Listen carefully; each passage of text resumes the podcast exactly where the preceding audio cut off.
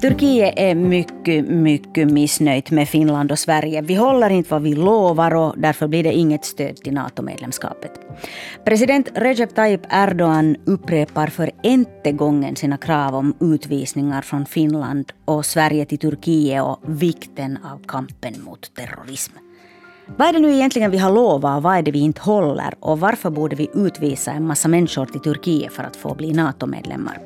Det här ska vi prata om i nyhetspodden idag. Och till min hjälp att förklara det här har jag Viktor Heikel, utrikesreporter på Svenska Yle. Hej igen. Hej. Vi är här igen om samma ämne, Turkiets motstånd mot ett finländskt och svenskt NATO-medlemskap som aldrig vill ta slut. Äh, I slutet av veckan ska det hållas ytterligare ett möte mellan Finland, Sverige och Turkiet, här i Finland faktiskt. Äh, vad handlar det här om, Viktor? Är vi på något sätt ett dugg närmare att Turkiet ska godkänna NATO-medlemskapet för Sverige och Finland? Man kan nog säga att vi är kanske ett steg närmare, men sen är frågan det att hur många steg finns det på den här processen? Hur många gånger kan man krisa till samma fråga och vad vill man ha i gengäld för att, att, så att säga, lösa situationen om det de facto inte handlar om uh, just den här frågan man väljer att krisa till. Uh, mm. Så vi är nog säkert närmare. Man kan inte hålla på med det här i all oändlighet, för det här vapnet man använder för att, så att säga, pressa Finland och Sverige på någonting kan man bara använda en gång. Man kan bara säga ett definitivt nej en gång, uh, men man kan inte heller dra ut processen i all oändlighet, för i, i något skede kommer motparten att säga att okej, okay, men nu räcker det, nu orkar vi inte med det här mer. Mm, mm. Men den här man, det Turkiets president? Det är Turkiets president Recep Tayyip Erdogan. Och, mm. och, det här är ju någonting som han har hållit på med i andra frågor också. Uh, han tycker om, som sagt, jag tror att jag var inne på det här senast också, han tycker om att skapa kriser där uh,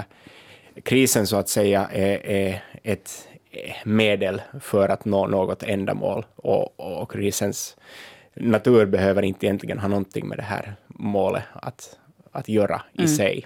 Turkiets regering har ställt en rad krav för att säga ja till Finlands och Sveriges NATO-medlemskap. I somras skrev alla tre länder på ett eh, så kallat samförståndsdokument, som det så fint heter, eh, med tio punkter som ska uppfyllas innan Turkiet då är redo att säga ja. Vad säger det här dokumentet egentligen? Är det liksom vettiga och rimliga saker eller är det någon slags diplomatiskt bludder bara? Kanske de stora grejerna där som är så här konkreta eh, handlar om, om liksom stödet till de här syriska kurdgerillorna, UPG och PUG. Uh, och de kan man ju tänka sig att de är relativt rimliga ur åtminstone Turkiets syn och inte hemskt svåra heller kanske för Sverige och Finland att, att uppfylla eftersom det i praktiken redan när det här avtalet eller det här dokumentet undertecknades inte just pågick något hemskt mycket direkt stöd. Mm. Um, vi ska inte stödja alltså de här? Nej, vi ska inte stödja dem i, i så att säga No, jag, jag, tror inte att det var så specifikt, men Turkiets tanke är åtminstone att vi inte ska stödja dem med vapenutbildning eller ens i sak. Vi ska inte föra deras talan. Mm. Uh, orsaken till det är ju att man anser att de är direkt kopplade till PKK, vilket har när det gäller... Och PKK är ju då uttryckligen stämplat som en terroristorganisation. Både av Turkiet och mm. av EU och så vidare. Och så vidare. Så uh, och det finns helt fog för det. Jag menar, de har utövat terror. Det är en organisation som använder terror aktivt i sin, i sin kamp för en, en kurdisk stat. Mm. Så, så det är inte på det sättet långsökt att, att anse att, att det här stödet kan ses som indirekt stöd också för PKK. På det sättet kan man säga liksom varför Turkiet är hemskt måna om att få det här igenom.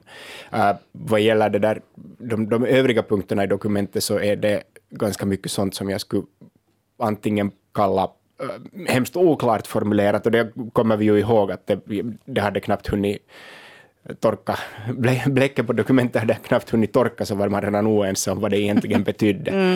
Uh, eller sen är det självklarheter. Men ända sen i somras och det här dokumentet så har de här påtryckningarna från turkiskt håll fortsatt. Framför allt eh, så gäller det här ju då Turkiets krav på att Finland, men kanske då, det kanske framför allt Sverige det gäller, ska utvisa ett antal personer till Turkiet som anses vara terrorister. När vi träffades här i poddstudion då i början av sommaren så det där kallar jag de här utvisningskraven skrattretande, kommer du ihåg? Mm. ja. um, jag skrattar nog inte så mycket nu mer, det börjar fastna lite i min hals det här skrattet. Varför håller Erdogans regim så envist på och kräver utvisningar? Jag skulle säga att orsaken till det är främst inrikespolitisk. Jag tror inte att man när, fortfarande inte när någon förhoppning överhuvudtaget om att de facto få någon av de här utvisade. Skulle det vara så att man har bevis på att de här individerna är terrorister eller ens liksom på något sätt kraftigt kopplade eh, till något stöd till terrororganisationer så skulle de vara utvisade redan. Det finns avtal för att utvisa brottslingar. Terrorister är brottslingar. Brottslingar kan man utvisa mellan mm. de här tre länderna. Jag tror att det snarare handlar om en fråga man kan utveckla en kris kring, där man äh, kan ge sken till hemmapubliken av att man förhandlar från en position av styrka.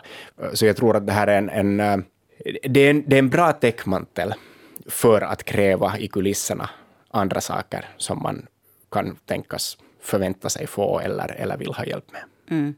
Vad skulle det vara då? Jag, jag, tror att bilden av vad Turkiet är ute efter åtminstone delvis har lite klarnat och då skulle det ena ordet som beskriver det vara pengar. Mm. Uh, Turkiet befinner sig i en av sina värsta ekonomiska kriser någonsin, kanske den värsta ekonomiska, ekonomiska krisen någonsin. Uh, valutareserverna har sina, inflationen ligger på 80 procent, tror jag den officiella uh, siffran är just nu. Um, så man behöver pengar. Och man mm. behöver framförallt då investeringar för att hålla ekonomin rullande, för att se till att folk har arbete och så vidare. Och så vidare. Och jag tror att ju längre den här processen går, desto mer sådana här försök och sådana här förhandlingar kommer det att komma fram. Så vi förväntas liksom köpa NATO-medlemskapet av Turkiet?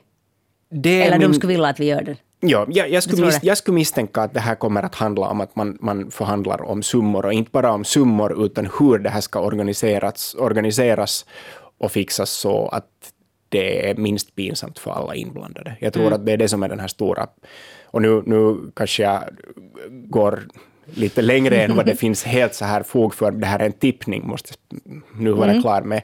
Men, Vi återkommer äh, sen och förklarar ja, den rätt eller fel lite det senare. Finns kanske, det har kommit nu senaste veckan så har det kommit indicier som tyder på att det här kanske kan stämma. Och DN till exempel har rapporterat om ett sånt här... Äh, Dagens, finns, Nyheter, Dagens i Sverige. Nyheter i Sverige. Ja. Alltså om att äh, en sån här svensk myndighet som då alltså äh, främst går in för att garantera lån till olika äh, sådana bistånd, så att säga biståndslån till olika projekt. Äh, mm så har nu givit äh, garantier på flera hundra miljoner euro till ett sådant järnvägsprojekt i Turkiet.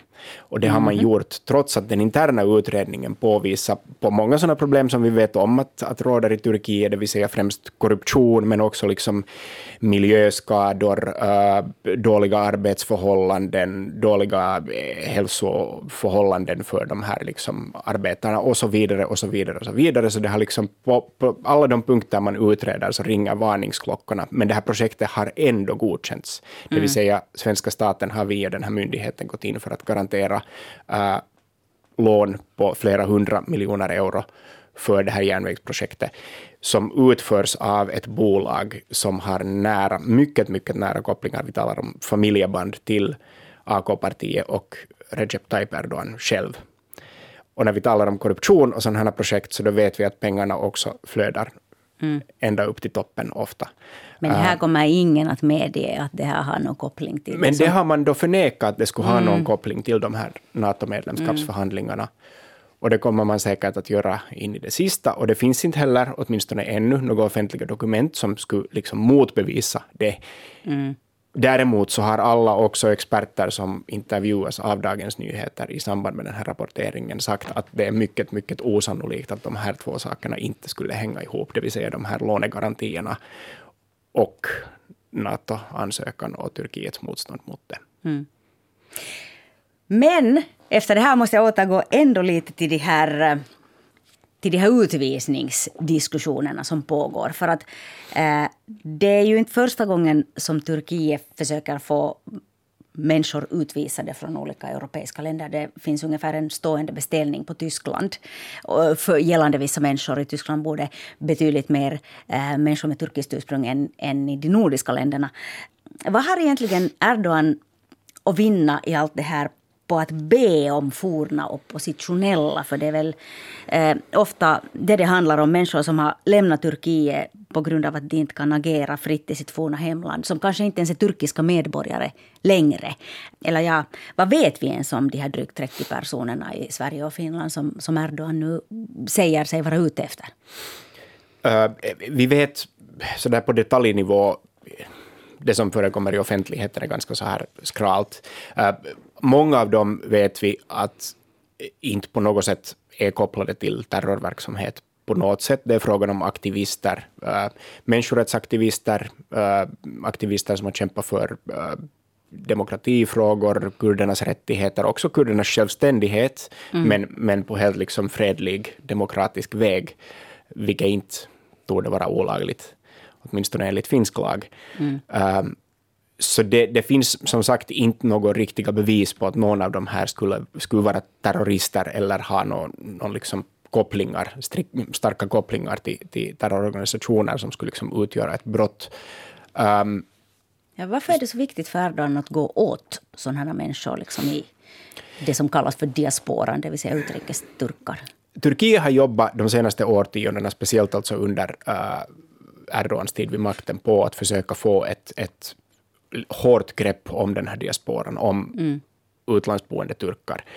Uh, ett sätt man har använt är, den här uh, religiösa myndigheten Dianet som, som alltså då finansierar både liksom kulturcenter och moskéer och, och bönerum och så vidare, som blir sådana här knutpunkter för utlandsboende turkar i de olika länderna. Mm. Uh, och via det här så får man då dels information om de här människorna, för att de här människorna som jobbar för Dianet rapporterar hem till Turkiet om vad de här människorna håller på med, vem det är. Och man har också använt det som en liksom mekanism för social kontroll i de här länderna. Man har tagit reda på vem, vem har kopplingar till vem och vem, vem kan tänkas liksom utgöra ett, ett oppositionellt hot. Vem talar mot AKP i de här länderna bland liksom de egna leden och så vidare. Så det här, jag tror att den här utvisningen det här utvisningskravet passar in i den här bilden som ännu mm. en varning att vi vet vad ni håller på med, vi vet var ni är, vi vet vem ni är, vi vet vilka era kopplingar är. Uh, och titta, nu kan vi dessutom Och nu har vi den här hållhaken på er. Era länder. På det land där ni trodde att ni var säkra, mm, så har vi nu mm, en hållhake mm. på. Så det, det är en varning, det är ett hot. Helt klart ett hot. Om det faktiskt, hypotetiskt, skulle gå så att någon skulle utvisas från Sverige eller Finland till Turkiet, vad skulle hända med en sån här oppositionell människa? De skulle försvinna i det turkiska fängelsesystemet. Alltså, klart, alltså inte försvinna i den bemärkelsen att vi inte skulle veta var de är nödvändigtvis, eller att de liksom skulle försvinna så där puff i, en, i ett rökmoln. Men uh, det turkiska rättssystemet är helt och hållet avhängigt makthavarna. Så, så länge de liksom rådande förhållandena i Turkiet är i kraft, så skulle de här människorna knappast någonsin komma ut ur fängelse. Mm. Men nu ska vi då mötas med Turkiet igen, antagligen då på fredag här i Finland. Det är vad vi vet. Eh, det har vi inte fått bekräftat. Vad kan Erdogan nu ännu ha i rockärmen att dra fram på ett sånt här möte? Alltså, I offentligheten kommer det säkert att handla mycket om de här utvisningarna och det här påstådda stödet till PKK som vi då ger här i Finland och Sverige. Um, åtminstone det andliga stödet uh, genom att skydda sådana. Och, och Gülenrörelsen ska man också komma ihåg, det vill säga Gülenrörelsen som påstås då ligga bakom uh, kuppförsöket 2016. Mm. Vad, man de facto, vad, vad det här mötet de facto kommer att handla om vet jag inte. Och det kommer vi knappast att veta ännu på en på en god stund. Min gissning är att, att det kommer att diskuteras något pågående projekt, infrastrukturprojekt, byggnadsprojekt, you name it, där man skulle uppskatta hjälp från till exempel då sådana finska och svenska myndigheter som, som till exempel då kan uh, komma med antingen direkt stöd eller, eller garantera lån eller någonting annat. Nya vänner inom citationstecken. Precis. Mm. Men har vi själva någonting i rockärmen att komma med då, de finländska myndigheterna och politikerna och de svenska? Vi, vi kan ju alltså syna bluffen, det kan vi göra. Men det kan också hända att det betyder att Turkiet fortfarande låter vetot mot NATO-medlemskapet stå. Uh, inte, inte ser jag egentligen någon annan. Alltså vi, vi kan ju liksom förhandla och vi kan säga att här går våra gränser. Och liksom för Turkiets del så är det här som sagt det är ett vapen man kan avfyra en gång och före det så kan man bara hota med det och efter det är det oanvändbart. Så, så vår, vår liksom styrkeposition är det att vi också kan liksom förhandla förhållandevis billiga villkor, för att Turkiet är i en ganska eller en jätte, jättedålig situation ekonomiskt. Och om det handlar om ekonomin, som jag då tror, så ligger vår styrka i att vi kan, vi kan få liksom billiga villkor. Mm. Och vi kan lösa det. Och vi kan lösa det. Tack så mycket Viktor Heikel för den här förklaringen. Jag heter Jonna Nupponen och du har lyssnat på nyhetspodden från Svenska Yle. Ami Lassila producerar och tekniken sköttes av Anne Heikkilä. Fortsätt lyssna på oss.